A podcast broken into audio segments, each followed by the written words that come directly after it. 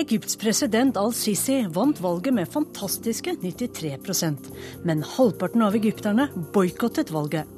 Vi hvordan bør Norge forholde seg til EU, Egypts nye sterke mann? Vi spør utenriksministeren. Den røde armés menn har vært feiret som helter i alle år. Men hva med kvinnene som kjempet for Sovjetunionen? Vi skal på båttur med klimaforhandlere som jubler over Svalbards natur. Vi skal møte FARC-soldater fra Colombia som har begynt et nytt liv. Og vi skal til Brasil, der folk er så sinte på all pengebruken før fotball-VM at de håper Brasil taper. The Rolling Stones ruller rundt i verden igjen. Men hvordan holder Mick Jagger seg i så uforskommet god form? Få treningstips i Verden på lørdag. Brevet er skrevet på Tuben i London, og i studio Sissel Wold.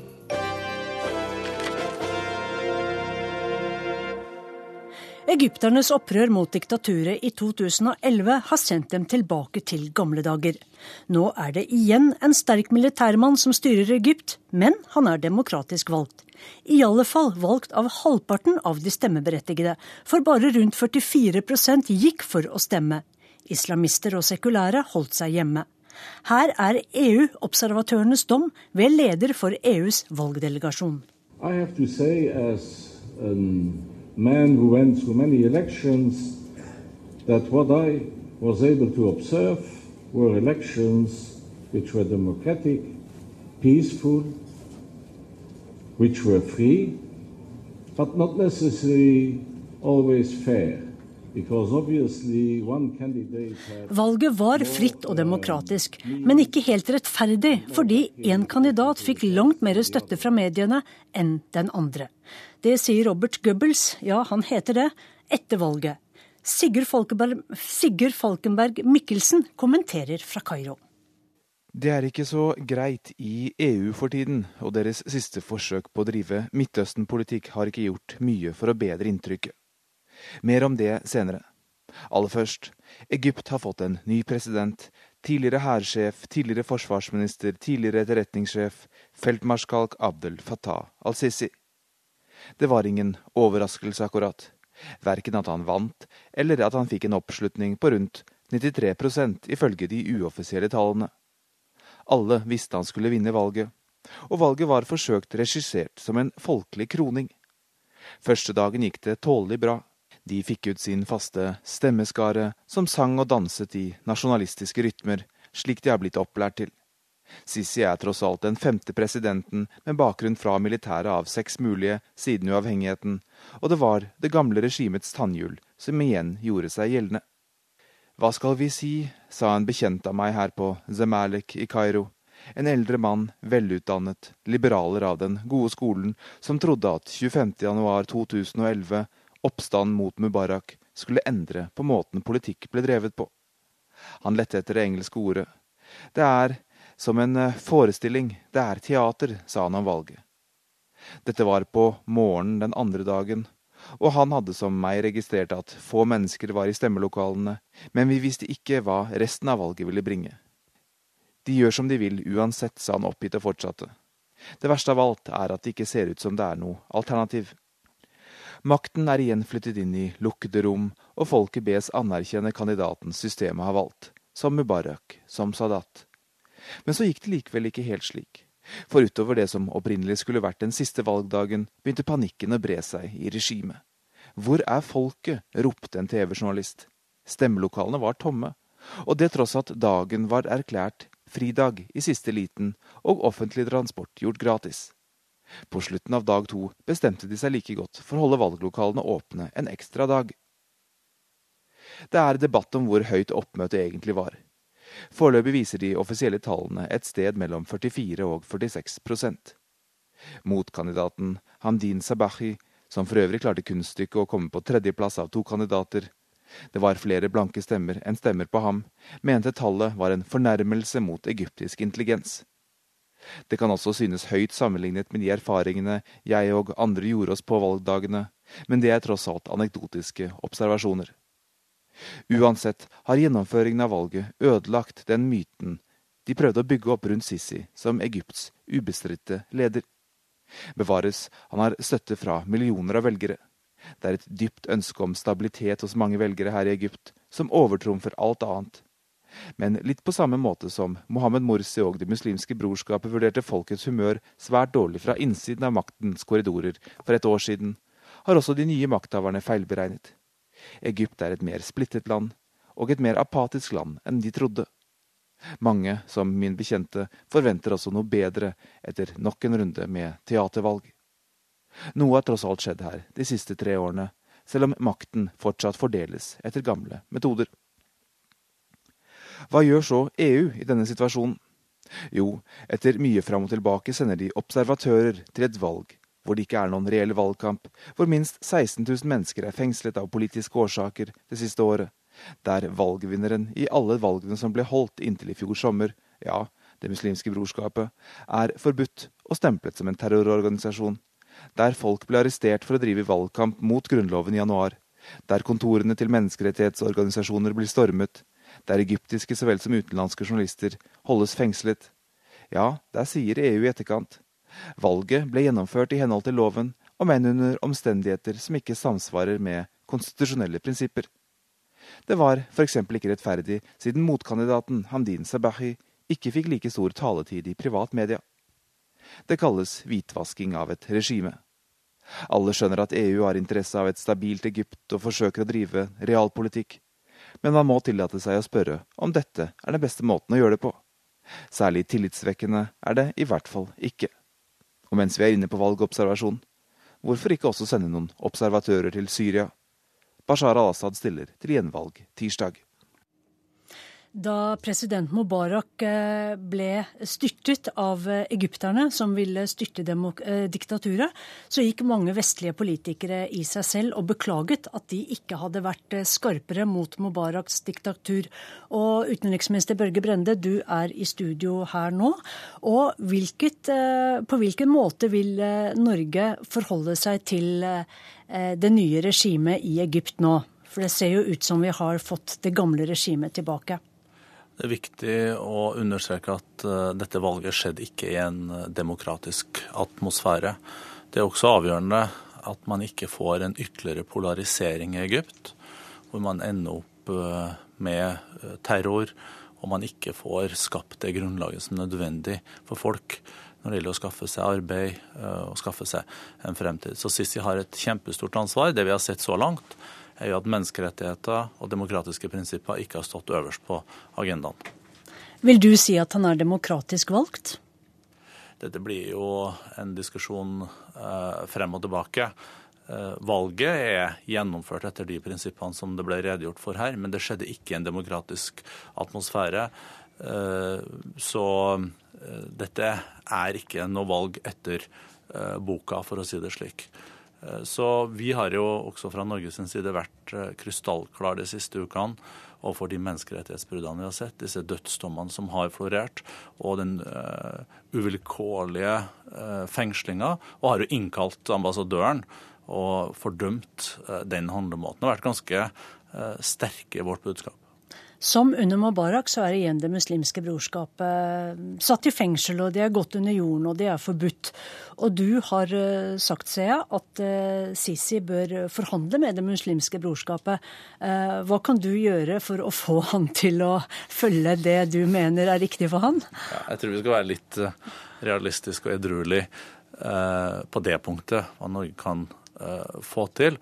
Men hvis man skal unngå en ytterligere polarisering, skal unngå at man får en bevegelse som går under jorda, og man kan se terror eh, ende eh, som, altså Et av resultatene vil bli eh, terror. Så må det gjennomføres en nasjonal inkluderende dialog.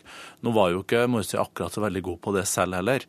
Eh, han tok makta og gjennomførte ikke noe dialog og inkluderende forhandlinger. Det betaler en nå en høy pris for, det muslimske brorskapet, som står veldig svakt faktisk eh, i den, eh, det egyptiske samfunn, fordi det endte jo i så store økonomiske problemer. Så det man må håpe på nå, det er jo at det over tid bygger seg opp en demokratisk opposisjon. Det trenger ethvert land en bratt lærekurve for det, det, muslimske brorskapet i Egypt. Vi skal videre til eh, palestinernes president Mahmoud Abbas. هذه رسالة تكليف للأخ الدكتور رامي الحمد الله من أجل تشكيل الحكومة الانتقالية Vi hører her at han gir ordren til eh, Rami Hamdallah, som skal eh, lage en ny palestinsk samlingsregjering. En teknokratregjering. Du har akkurat vært i Midtøsten og snakket med både palestinere og israelere. Tror du at denne regjeringen blir noe av? Det skulle jo egentlig vært utnevnt på torsdag. Den er forsinka. Det er nok en eh, del uenighet om de ulike medlemmene av denne regjeringa. Eh, men både FN, EU, eh, e Norge, alle har jo satt at det er et mål å få til en samling på palestinsk side av Gaza og Vestbredden. Det er jo det som Abbas nå tar sikte på. Men det som er avgjørende, er jo at en ny teknokratregjering må forholde seg til det som er viktige Eh, kriterier fra kvartetten, nemlig en anerkjennelse av staten Israels rett til eksistens. Man må avstå fra enhver eh, voldsbruk, og det må bygge på tidligere inngåtte internasjonale kriterier. Og det understreker jeg sterkt overfor Abbas, og han sa det kommer ikke til å kompromisses en millimeter eh, på de prinsippene. Når Hamas avkreves å anerkjenne staten Israel, hvilke grenser er det da som gjelder? For Vi ser jo her en israelsk regjering som ikke har noen Eh, vilje til å avslutte okkupasjonen. Hvilke grenser er det som gjelder da, hvis man skal anerkjenne Israel? Altså, når det gjelder Hamas, så tror jeg ikke de vil over natta endre sin politikk. Det er dessverre ikke noe grunn eh, til å tro. Jeg tror ikke de vil anerkjenne staten Israel. Derfor har jo Abbas sagt at det er helt uaktuelt å ha med noen som har bakgrunn fra Hamas overhodet i den regjeringa han utnevner. Det kan nok bli forsøkt fremstilt slik fra de som ikke ønsker eh, en slik regjering, men han var krystallklar på dette. Og når det gjelder eh, Hamas, så har jeg også sagt at for den norske regjeringa, for denne regjeringa, så er det jo ikke aktuelt å ha politisk kontakt med Hamas, for de eh, sier at de ikke vil eh, bruke vold, og at de vil eh, også anerkjenne Eh, statens Israels rett til eksistens. Men da, man kan jo, og bør jo ta utgangspunkt i grensene før eh, 67. Og selvsagt så må Israel avslutte de ulovlige bosetningene. Og det må være bytte av land, og den nye staten må eksistere innenfor 67-grensene. Så får vi se hvordan det går til uken. Tusen takk til deg, utenriksminister Børge Brende.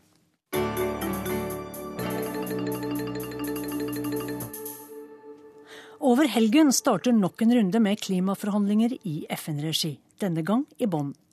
Ambisjonen er å få til en ny internasjonale avtale innen 2015.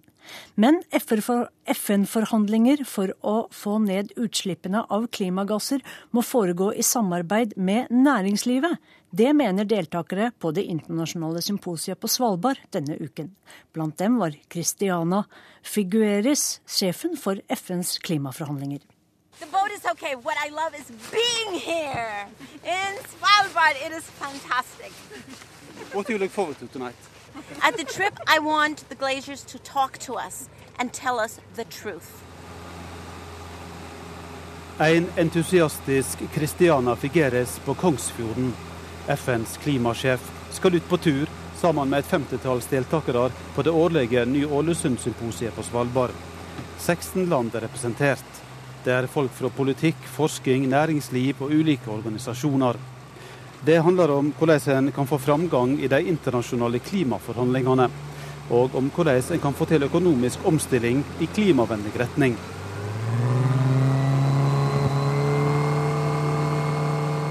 Det går fort unna, i stor kontrast til det som er tilfellet med klimaforhandlingene i FN-regi. Is a lag um, between the advance and the urgency of science. Det er uten tvil et urovekkende misforhold mellom framgangen vi ser, og det vitenskapen forteller om behovet for handling raskt. Likevel, Christiana Figueres er ikke frustrert. I am not frustrated because if I were, I couldn't do my job. I uh, remain optimistic uh, because I see that governments are very intent on delivering the global agreement that they have promised that they're going to deliver. Jeg ser at styresmaktene sier de vil følge opp. Ingen hopper av prosessen og sier de ikke vil jobbe for en internasjonal klimaavtale. Men hun er uroa for at det som skjer, ikke er godt nok. My concern is that the sum total of that is not going to respond to the need. Det handler om FN-forhandlinger, men ikke bare det. Rachel Kite er spesialutsending for klima i Verdensbanken. Right, I think that the, the, the climate convention has done a very good job so far of, um, of, of helping move us forward. FNs klimakonvensjon gjør en god jobb. Uh, but frankly, the, the question at stake now is the re-engineering of the global economy. And that is not something that one would traditionally ask. Men spørsmålet nå handler om å endre hele den globale økonomien. Og det er ikke noe en normalt spør miljøvernministrene om å håndtere, sier Kate. So that's the first thing. The second thing is that within the private sector, once one understands that exposure to carbon is not going to be something that you want to carry in your portfolio for the next 10 to 20 years, then you will see an imperative for innovation. You'll see the imperative for investing in green technologies and the jobs that will come from retrofitting buildings to make them more efficient to the new Når ser at det ikke lenger er attraktivt å bidra med store utslipp av CO2, vil næringslivet sjøl satse på grønne løsninger. Dette skjer fordi bedriftene sjølve ser at dette lønner seg.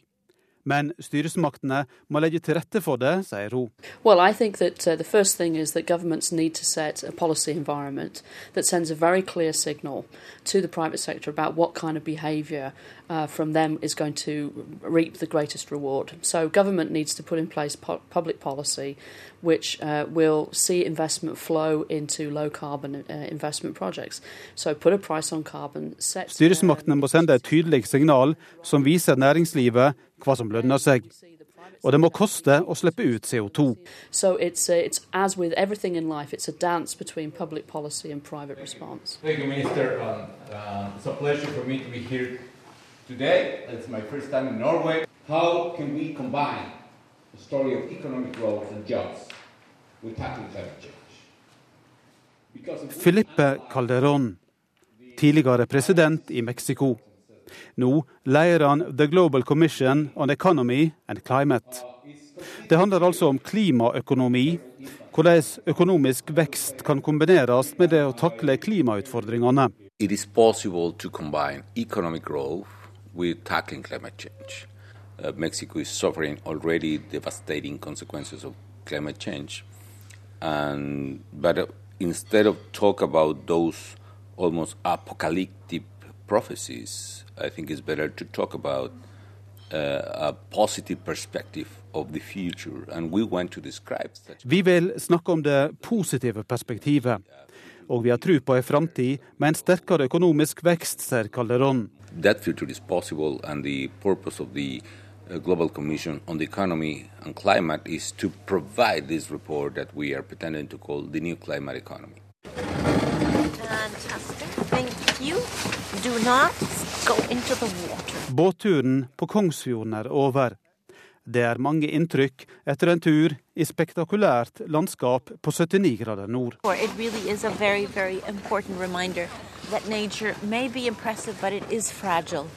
And there are limits to what we can do irresponsibly with nature. And the time has come for us to go back to responsible behavior.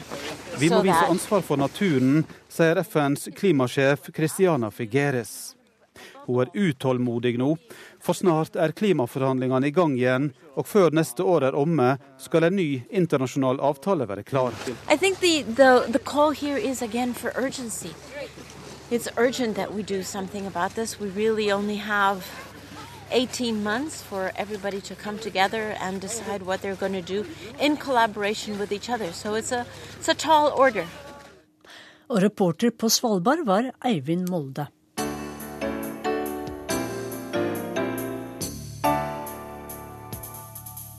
Torsdag stiftet Russland, Hviterussland og Kasakhstan en ny tollunion som motvekt mot EU og Kina.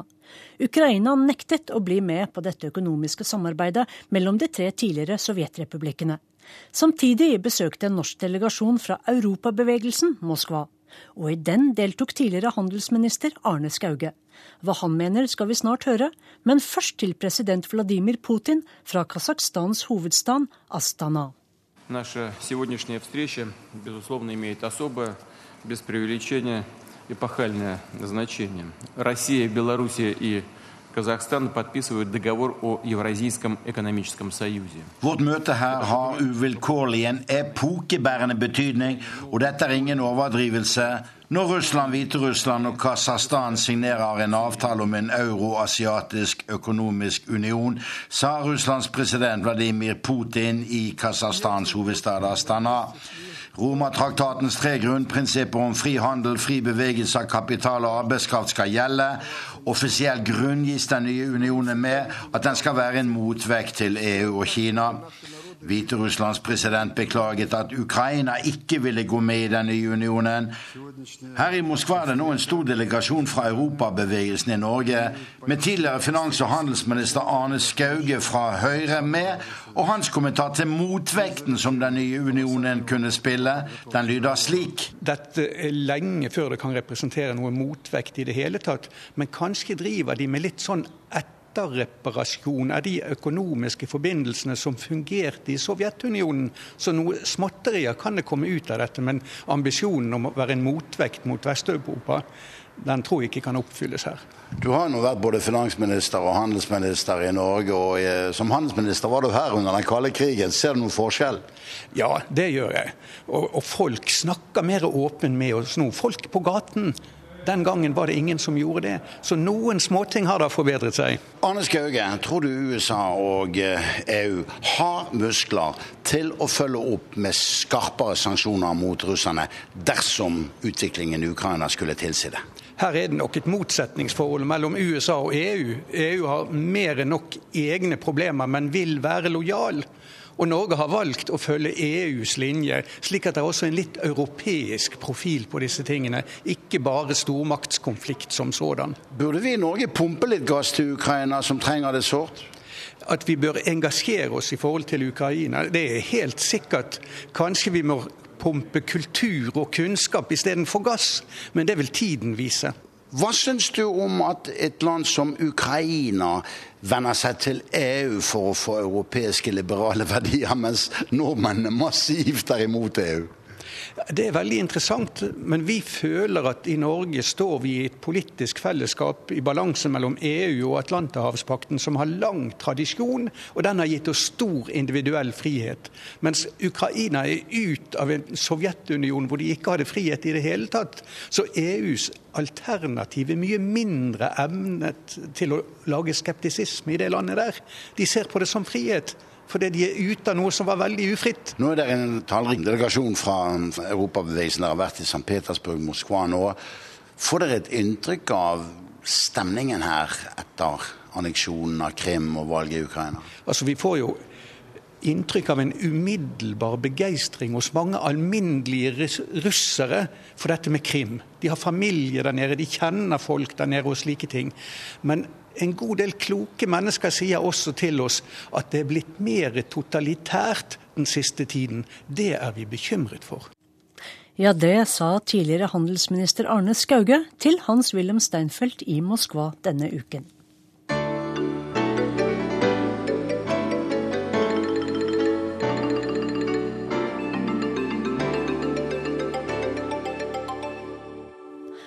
Vi holder oss i øst. For mens mennene som tjenestegjorde i Den røde armé under Sovjetunionen ble hyllet som helter, måtte kvinnene skjule at de også hadde vært med.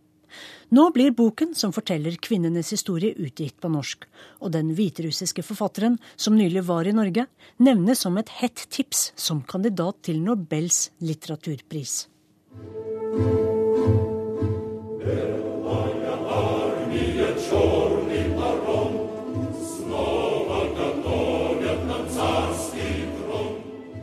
De var piloter, stridsvognførere, spanere og snikskyttere. Kvinnene i Den røde armé kjempet side om side med mennene for Sovjetunionen under den andre verdenskrig. Men til forskjell fra mennene ble ikke kvinnene sett på som helter. De ble derimot møtt med mistenksomhet og forakt etter krigen. То есть женщины эти, которые пошли на войну, они оказались Kvinnene som hadde vært i krigen, ble ikke godtatt av det mannsdominerte samfunnet, forteller den hviterussiske forfatteren Svetlana Aleksejevitsj. Hun er en snartur i Norge i forbindelse med at boka hennes 'Krigen har intet kvinnelig ansikt', som kom ut i 1984, nå er oversatt til norsk. For hvem ville vel gifte seg med noen som hadde kjempet i første frontlinje? Og enda verre, hvis det kom frem at det også hadde vært kvinner med i Den røde armé, hvordan kunne det påvirke heltestatusen til gutta?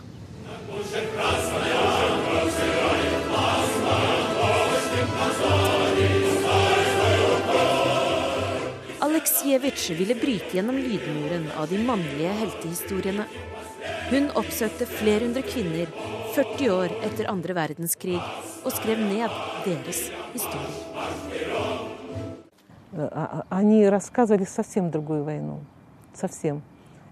De fortalte om en helt annen krig.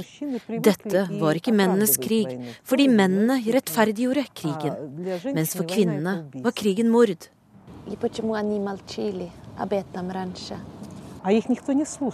De hadde tidd så lenge fordi det var ingen som lyttet til dem, forteller Aleksejevitsj. Hvorfor ingen hadde spurt kvinnene om krigen, mener hun har en enkel forklaring. Это было тоталитарное общество. В тоталитарном обществе всегда главный мужчина. Det var et totalitært samfunn, og i slike samfunn er mannen alltid viktigst. Og målet. Uavhengig av hvilken pris man må betale. Fortsatt vet vi ikke hvor mange som måtte bøte med livet under krigen.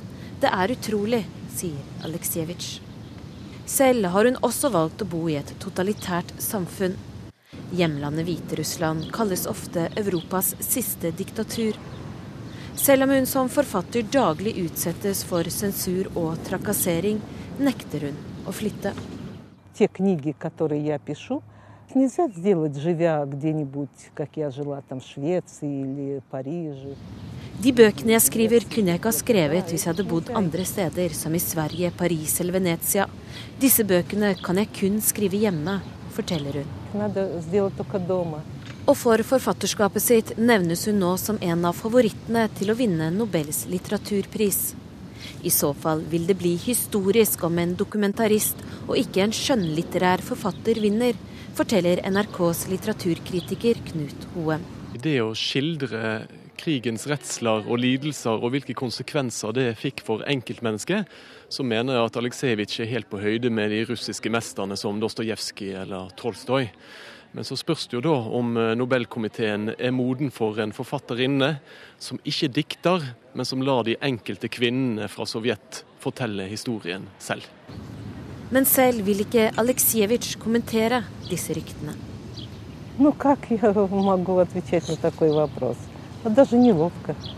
Hva kan jeg svare på et slikt spørsmål? Uansett hva jeg svarer, vil det ikke være passende, sier hun.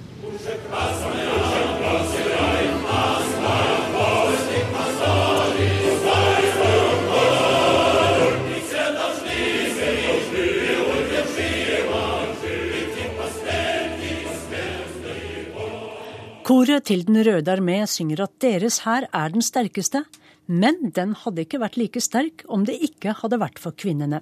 Reporter var Guri Nordstrøm.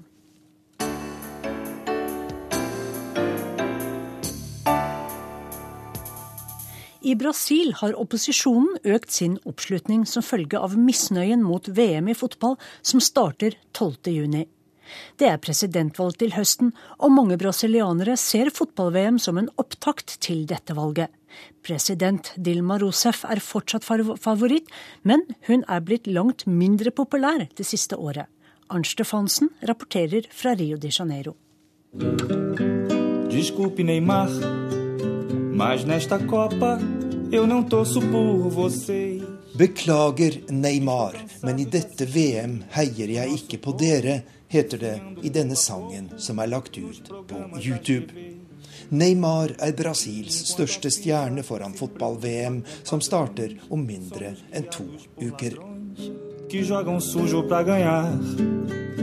Desculpe, Neymar, Fotball-VM 2014 er ikke som tidligere verdensmesterskap, der hele Brasil har stått bak sine helter i gult og grønt. Mange brasilianere er så forbitret over pengebruken, forsinkelsene og det de mener er en omfattende korrupsjon foran VM, at de ikke engang støtter det brasilianske landslaget. Folk jeg snakker med i den fattige bydelen Tijuca her i Rio de Janeiro, føler seg forrådt av politikere de har stemt på til nå. A gente vê nas propagandas dizendo saúde está boa, saúde não está boa, coisa nenhuma. Vi hører deres propaganda som forteller oss at helsevesenet er bra. Men helsevesenet er slett ikke bra, sier pensjonisten Ailton Bispo. Inflasjonen er under kontroll, sier de. Alle vet at det er den ikke. Det er så mange løgner å høre fra dette Arbeiderpartiet, som gjorde veldig mye bra den første tiden etter at det kom til makten. Og aller verst er dette VM-arrangementet, som skulle bli en velsignelse for alle oss brasilianere, men som hittil har vært en skandale. Jeg håper egentlig at Brasil taper, sier han. Porque é, Brasil ganhando a Copa, Hvis Brasil vinner VM, vil det ta oppmerksomheten bort fra problemene. Folk vil juble og være fornøyd, og regjeringen kan si at VM har vært en suksess. Dermed blir regjeringspartiet trolig gjenvalgt, og det blir ingen bedring for landet. Skolene blir ikke bedre, helsevesenet blir ikke bedre, og transporten blir ikke bedre. En skikkelig VM-fiasko for Brasil er trolig det beste for dette landet på lengre sikt, sier pensjonisten fra Tijuca.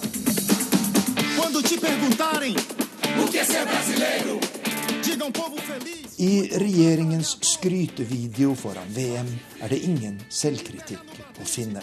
Brasil er et land i sterk fremgang, og nå skal vi lage tidenes verdensmesterskap i fotball, er budskapet. Men ifølge meningsmålingene har president Dilma Rousef mistet mye av sin popularitet de siste par årene, mens sentrum-høyrepartiene har gått frem. Presidenten er likevel fortsatt favoritt til å vinne valget i oktober, og hun mener kritikerne svartmaler situasjonen foran fotball-VM. Não é possível apostar no pior. Vi kan ikke basere oss på at det verst tenkelige skal skje. Jeg har den motsatte holdningen, og jeg er overbevist om at vi kommer til å lage det beste fotball-VM noensinne, sier president Dilma Rousef. Og ekspertene mener utfallet av verdensmesterskapet, både sportslig og arrangementsmessig, vil spille en viktig rolle ved høstens valg.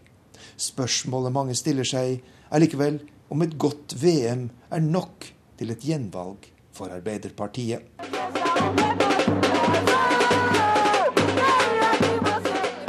Tusener av mennesker har demonstrert mot fotball-VM her i Brasil de siste ukene. Og det har vært streiker blant bussjåfører, lærere, politifolk og andre grupper. Det som skulle bli en vakker fotballfest, er blitt et symbol på alt som er galt her i Brasil. Et land som riktignok er blitt mer sosialt rettferdig under sentrum-venstre-regjeringene det siste drøye tiåret, men som fortsatt er et brutalt klassesamfunn med stor sosial ulikhet. Og demonstranter jeg snakker med, er sterkt i tvil om hva de skal stemme. Agora eu não tenho meu candidato, entendeu?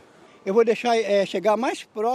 Jeg har ikke lenger noen kandidat, sier Luis Ferreira Reyes her fra Rio. Jeg har stemt på PT, Arbeiderpartiet, bestandig, og var svært fornøyd med den forrige presidenten, Lula da Silva. Men jeg er slett ikke sikker på at jeg stemmer på PT ved valget til høsten. Den som står for den beste helsepolitikken og den beste skolepolitikken, får min stemme, sier han.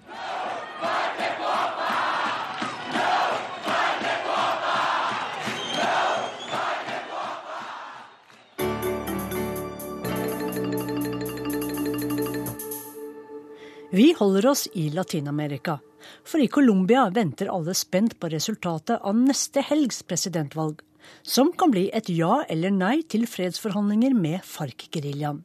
Hvis det blir en fredsavtale, må flere tusen geriljasoldater gå tilbake til et sivilt liv. Noen har gjort det allerede, lagt ned våpnene og blitt sivilister. Salomon Kano er travel. Han småsnakker med kundene mens han skrur på gamle sykler. Det lille sykkelverkstedet i utkanten av storbyen Cali i Colombia er en del av Salomons nye liv. I over 30 år var han soldat i den venstreorienterte FARC-geriljaen. Jeg vokste opp uten far, bare med moren min. Det var mye urettferdighet. Moren min måtte jobbe som hushjelp, og noen ganger fikk hun ikke betalt for jobben. Hun ble dårlig behandlet, sier Salomon. Urettferdigheten han opplevde i det sterkt klassedelte samfunnet, gjorde ham til FARC-soldat.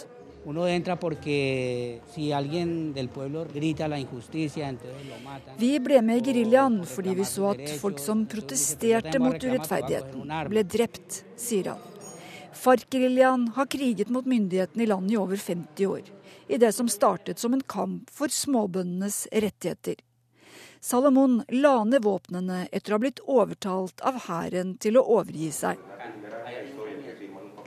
I Kali er det et rehabiliteringssenter for tidligere geriljasoldater og folk som har vært med i høyreorienterte paramilitære grupper. Det var her Salomon fikk hjelp og økonomisk støtte til å starte et nytt liv. Her møter vi også Adriana, en vakker, ung kvinne med vaktsomme øyne og mørkt, langt hår samlet i en hestehale. Hun var bare tolv år da hun ble med i den nest største venstreorienterte geriljagruppa i Colombia, ELN.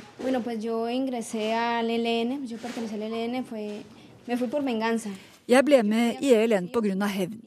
Jeg bodde sammen med onklene mine, og de ble drept av de paramilitære. Jeg ville hevne dem, og ble derfor med i ELN. Vi var fire søsken som gikk inn i geriljaen. To ble drept i kamper, og vi var to som kom levende ut, forteller Adriana. I sju år var hun med i geriljaen, og hun legger ikke skjul på at hun har drept folk. Første gang jeg drepte var veldig vanskelig. Etter det ble jeg vant til det. Da tenkte jeg bare hvor mange kan jeg drepe neste gang? Jeg tenkte ikke lenger på hvem jeg drepte, forteller hun med klar stemme og skarpt blikk. Adriana var bare et barn da hun ble geriljasoldat, og hun har sett og gjort mye som et barn ikke burde oppleve. Det verste var likevel det som skjedde med søsteren. Hun var gravid i sjette måned og de skulle ta henne med til byen slik at hun kunne føde. På vei dit ble de angrepet av hæren, og hun ble drept, sier Adriana. Hun var soldat mens jevnaldrende barn gikk på skolen. På senteret har hun fått hjelp til å fullføre skolen, og er glad for å ha startet et nytt liv med sønnen Nicolas. Men hun innrømmer at hun savner livet som geriljasoldat. Ja, jeg savner det enormt mye, sier hun. For første gang under intervjuet sprekker ansiktet opp i et glødende smil. På Cuba har FARC-geriljaen og myndighetene i landet forhandlet om fred i snart to år. Det var president Juan Manuel Santos som startet forhandlingene, og partene har blitt enige om tre av fem punkter. Santos prøver å bli gjenvalgt som president ved valget neste søndag. Han tapte i første runde mot utfordreren Oscar Ivan Zuluaga som er imot fredsforhandlinger med FARC, som han ser på som terrorister. Men hvis det blir en fredsavtale, må flere tusen geriljasoldater tilbakeføres til det sivile liv. Det blir ikke lett. Det er mye hat og mye frykt og vonde følelser. Men jeg tror samfunnet må forstå at for å kunne leve i fred, må vi legge ting bak oss. Vi må forstå at ofrene, men også de som har vært under våpen, skal tilbakeføres til samfunnet. Det sier lederen på senteret, Nelson Felipe Montoya. Det er også vanskelig å få folk som nesten hele livet har levd som geriljasoldater i fjellene og i jungelen, tilbake til et sivilt, vanlig liv og få seg en jobb i et krigsherjet land med stor arbeidsledighet. På verkstedet til Salomon er det travelt. Han har klart å tilpasse seg et sivilt liv, selv om det har vært tøft. Men han lever farlig. Mange tidligere geriljasoldater har blitt drept.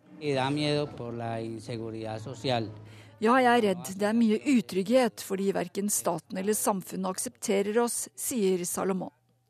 Men nå håper han fredsforhandlingene skal få en slutt på krigen i landet. Den colombianske befolkningen er lei av krig. Jeg er over 50 år gammel og ble født inn i denne krigen. Nå vil alle ha fred, avslutter Salomon.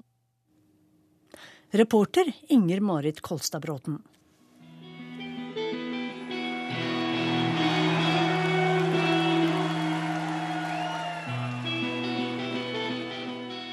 The Rolling Stones ruller rundt i verden igjen, og det er slett ikke sikkert at dette er deres siste turné. Rockebandet feirer utrolige 50 år siden gjennombruddet i 1964. Nå har de tre opprinnelige Stones-gutta passert 70 år, og frontfigur Mick Jagger er blitt oldefar.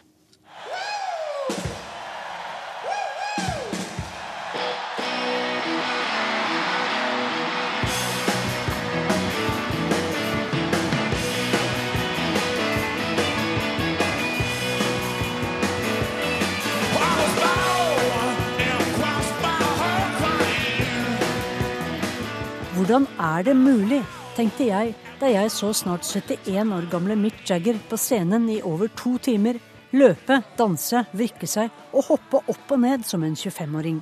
Hva går han på? At en oldefar holder stand som en av verdens fremste rockere, og den i best fysisk form, er naturstridig. Så hvordan gjør han det? But, um, I mean, it must, it det ser vanskeligere ut enn det er, sa en beskjeden sir Mick til australsk TV i vår.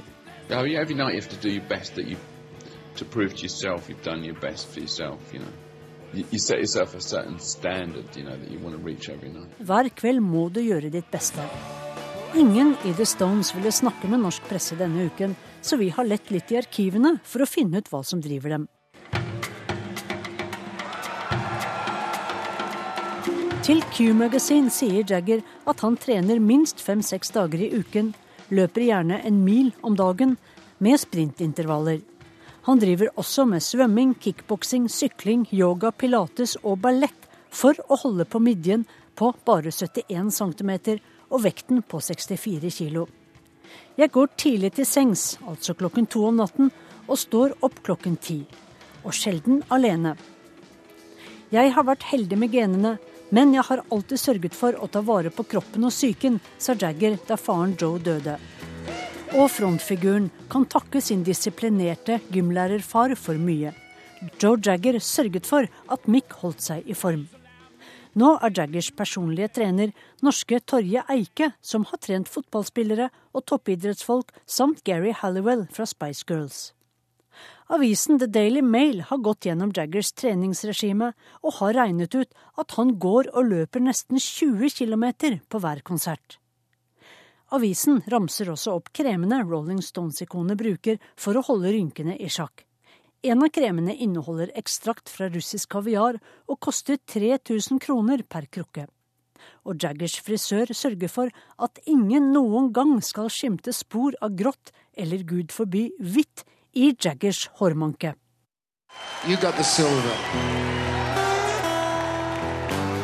Sammen med Mick Jagger har Keith Richards og trommis Charlie Watts vært med helt fra begynnelsen i 1962. Men de to lar aldringen gå sin gang, for både Watts og Richards har gått fra grått hår til hvitt nå. I snart 50 år har de spilt Satisfaction sammen, og publikum jubler fremdeles. 15-åringer som 75-åringer.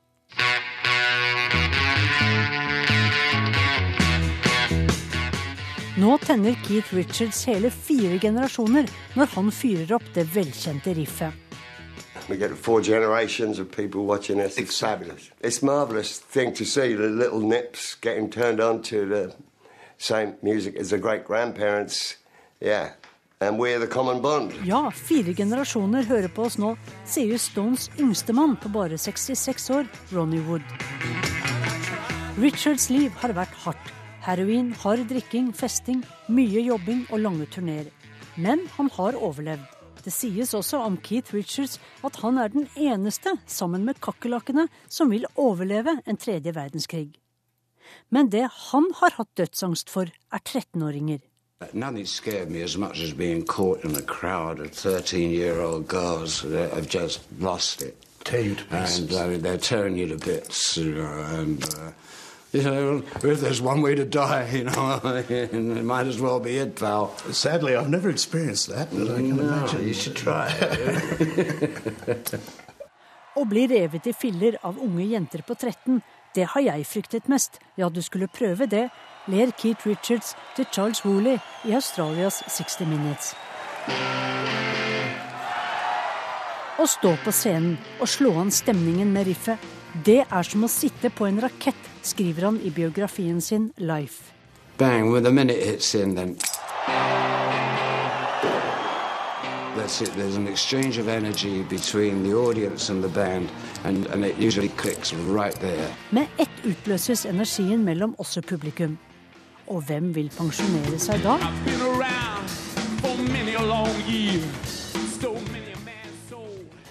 I think creative people don't really do that, you know. That, um, Kreative folk slutter ikke å jobbe, svarer Mick Jagger. With this lot, nothing surprises me, you know. I mean, I wouldn't be surprised if we do it in 10 years and Charlie Watts will still be giving you the best backbeat that you can ever get. Med denne uh, gjengen overraskes jeg ikke av noen ting. Heller ikke om vi er der ute om ti år, ler Richards, som ikke vet hvorfor de holder ut med hverandre i år etter år.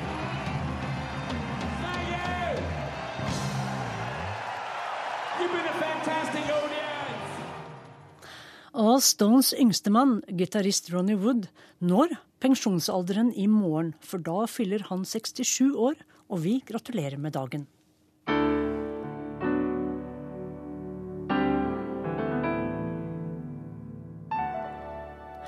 Londons kollektivsystem er berømt for sin effektivitet og beryktet for sin trengsel. Skal det fungere, må alle være bevisst på sin høyre og på sin venstre, skriver London-korrespondent Espen Aas i ukens korrespondentbrev. Jeg bor i en by med titusenvis av gater, 270 tubestasjoner som daglig tar imot 2,5 millioner passasjerer. Togstasjonen jeg som oftest går av på i sentrum har 82 millioner passasjerer i år. 7500 busser drasser rundt på over 6 millioner passasjerer hver eneste hverdag. Og, og jeg stopper der. Jeg står sammenpresset mot en dør, en automatisk dør i vogn 6 på toget fra Wimbledon til Waterloo stasjon. Jeg skal av på den tredje av de fire stasjonene for å skifte over til tuben, eller undergrunnen. Jeg skal ta Victoria-linjen fra Vauxhall stasjon og opp til Houston togstasjon midt i byen. Jeg vet den døren jeg står presset opp imot, ikke kommer til å åpne seg helt plutselig, men ber for sikkerhets skyld en bitte liten stille bønn. Egentlig er det jo trengselen som er verst. Toget er nå så fullt at du ville ikke fått inn et eneste menneske til, med mindre vedkommende ble lagt oppå hodene våre. Vedkommende hadde ligget helt trygt der, det ville være umulig å falle ned. Det er eh, tirsdag morgen, og jeg er nok en gang på vei gjennom Londons morgenrush. Et morgenrush jeg både elsker og hater. Elsker det fordi jeg ikke slutter å fascineres av alle folks innøvde rutiner og vaner som gjør at nettopp morgenrushet er noenlunde levelig, uansett den vanvittige trengselen. Hater det fordi jeg allerede er klam og svett, godt hjulpet av den 16,5 kilos kamerabagen jeg hadde på ryggen da jeg syklet til stasjonen, den kamerabagen jeg nå klemmer fast mellom bena mine, og som sikkert har irritert en og annen medpassasjer i det stille i den klamme kupéluften som lukter svette, morgenånde, deodorant og parfyme. Det er varmt, du kunne kanskje ikke stekt egg her, men du ville kommet langt med å tilberede slow food. Dette er et transportsystem som bare må virke, så mange millioner er avhengig av det, for ikke å snakke om alle arbeidsgivere, universiteter og skoler som skal ha alle sine på plass til tiden. Noe sånt som to ganger Norges befolkning minst beveger seg gjennom London hver dag. Størstedelen av de over åtte millioner innbyggerne skal selvsagt et sted, og så renner det også inn noen millioner fra tettstedene utenfor. Det sies at britene er det folket i Europa som bruker mest tid på pendling. Jeg tviler ikke et øyeblikk. Jeg er framme ved Vauxhall stasjon, og idet togdørene åpnes, klemmes jeg ut som et drops fra en pose med trang åpning. Plopp, så står jeg på perrongen. Fordi jeg har tatt dette toget så mange ganger før, visste jeg at vogn seks var den smarte å gå inn på fra hjemmestasjonen. Da kom jeg nemlig ut rett ved trappen ned til Victoria-linjen som jeg skal ta. Fordi de fleste av oss vet slike ting, så går dette morgenrushet helt utmerket. Alle vet hvor de skal gå og hvor de skal stå, helt til en eller annen stakkar, gjerne en turist eller nyinnflyttet, tar det samme toget eller den samme tuben for første gang. Alle husker som regel sitt første møte med morgenrushet eller rush hour. Horder av folk i hurtig tempo én vei. Vi går rett frem, samme hva vi støter på, og støter vi på noen, sier vi sorry, og så går vi videre, mens den stakkaren som har sitt første fysiske møte med rushet, spretter rundt som en kule i et levende flipperspill, videre nedover i motsatt retning av den nesten endeløse rekken av pendlere. Det å reise med Londons kollektivtransport er for øvrig en taus ting. Delvis takket være MP3-spiller og smarttelefoner og lesebrett. Men det er også slik det skal være. Ingen snakker til hverandre når vi reiser, med mindre noen må advares mot å få klemt hodet sitt i skyvedørene, eller har glemt igjen noe på setet, eller skal tilby noen en ledig sitteplass. Og apropos uskrevne regler, vi smugleser heller ikke andres bøker eller aviser over skulderen deres, selv om det nesten ikke er til å unngå. Vi står så tett at du kan risikere å komme hjem med trykksverte fra morgenavisen på klærne. Det å smuglese sidemannens avis anses likevel som svært uhøflig, selv om nesten alle gjør det. Det er et spesielt øyeblikk når noen blir fersket, når avisens eier snur seg og ser inn i øynene på tyveleseren, og du som tilskuer blir litt beklemt og kjenner at akkurat nå ble litt varmere i kupeen, der hvor noen nettopp hadde lest en annens avis, men som sagt ingen sier noe. De eneste som kanskje snakker sammen, er turistene. De forsøker å finne ut hvor de skal, hvilken linje de nå må skifte til, og hvor lang tid det måtte ta. Vi, de tause, vet det. Vi vet det så godt at det skjer på autopilot. Tommelfingerregelen er om lag to minutter mellom hver stasjon. Vi vet også at det i snitt tar et drøyt minutt eller tre å komme seg opp på bakkenivå igjen hvis du går i rulletrappene. Det tar lengre tid å stå, eller hvis du skulle finne på å gå av på en av stasjonene som ligger dypest nede i bakken, eller på en av de ytterst få stasjonene som ikke har rulletrapp, slik som turistfellen Covent Garden. Der er valget mellom en ufattelig treg heis eller 193 trappetrinn. Er du først i en rulletrapp, så må ikke flyten ødelegges. Stå til høyre, gå til venstre. Det finnes ikke unntak for denne regelen. Det står så mange skilt om det overalt at det som regel går bra, det også. 90% følger regelen, ifølge en studie fra universitetet i Greenwich fra 2011. Siden mange londonere er for høflige til å si fra, blir det gjerne kø når noen står på feil side. Noen drister seg til et 'excuse me', mens andre forsøker av en eller annen merkelig grunn å stirre personens nakke i senk bakfra.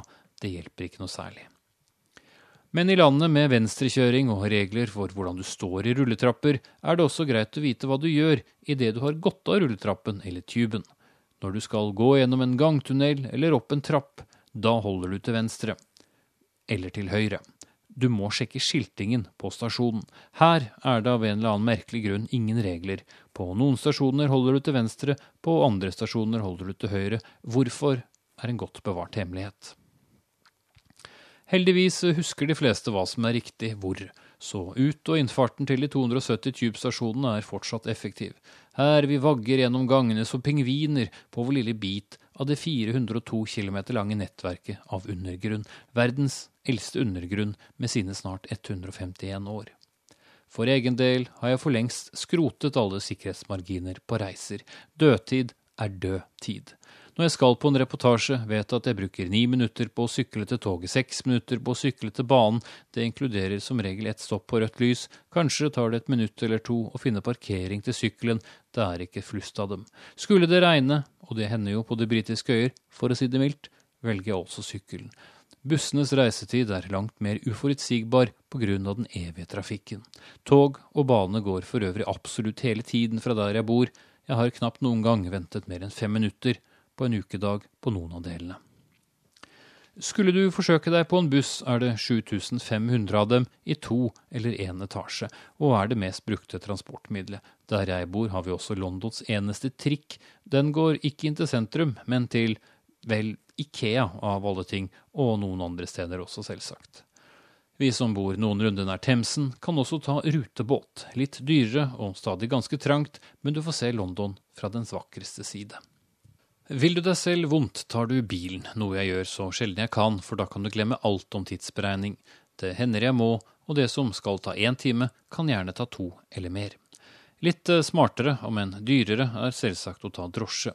Enten de tradisjonelle black cabene som går på taksameter, og har sjåfører som kan byen ut og inn og vet snarveien utenom køene, eller det litt billigere alternativet, minicabene, som også har mange lommekjente sjåfører, men hvor du også kan ende opp med dem som nekter å kjøre deg noe som helst sted før du har gitt dem en postkode de kan plotte inn på navigasjonsduppeditten sin, som de så følger slavisk og bruker akkurat like lang tid som du selv ville gjort. Men i det minste slipper du da å lete etter parkeringsplass. Mange rundt her jeg bor, velger å droppe alle disse tingene og sykler i stedet hele veien til sentrum, og befinner du deg der, gjerne i City, Londons finanssentrum mellom åtte og ni, er det litt av et syn der den syklende armeen av meglere og bankfolk ruller inn med hjelmer og refleksvester. London er en sykkelby, selv om den kan virke avskrekkende. Har du ikke egen sykkel, kan du her, som i mange andre byer, leie deg en bysykkel, eller Boris Bike som vi kaller dem her, oppkalt etter borgermesteren som innførte dem. Han er sykkelentusiast på sin hals, og kan ofte observeres der han kommer i dress og slips med en knall hvit sykkelhjelm på hodet. Hvis jeg også legger til den lille taubanen Emirates Airline, som er en taubane over Themsen i øst, har jeg vært gjennom alle variantene du kan reise på, enten i eller utenfor rushtiden. Som du skjønner, det er en del, og hvis alle passer på sin del av dette systemet, så går det ganske bra. Dette brevet er forresten ved veis ende, det tok ti minutter. Det tilsvarer, som du nå vet, om lag fem tubestasjoner. For meg, på denne turen, het de Pimlico, Victoria, Green Park, Oxford Circus og Warren Street. Nå har jeg gått av på Houston togstasjon for å reise på reportasjetur ut av London, hvor reisetiden etter hvert blir noe mer uforutsigbar enn her. I London, hvor det meste går på skinner, også bokstavelig talt. Verden på lørdag ønsker fortsatt god helg. Hans Ole Hummelvold er teknisk ansvarlig. Bente Alice Westgård var skript, og ansvarlig for innholdet var meg, Sissel Wold. Og du kan også høre sendingen på mobil og på nettbrett via NRKs utmerkede radioapp.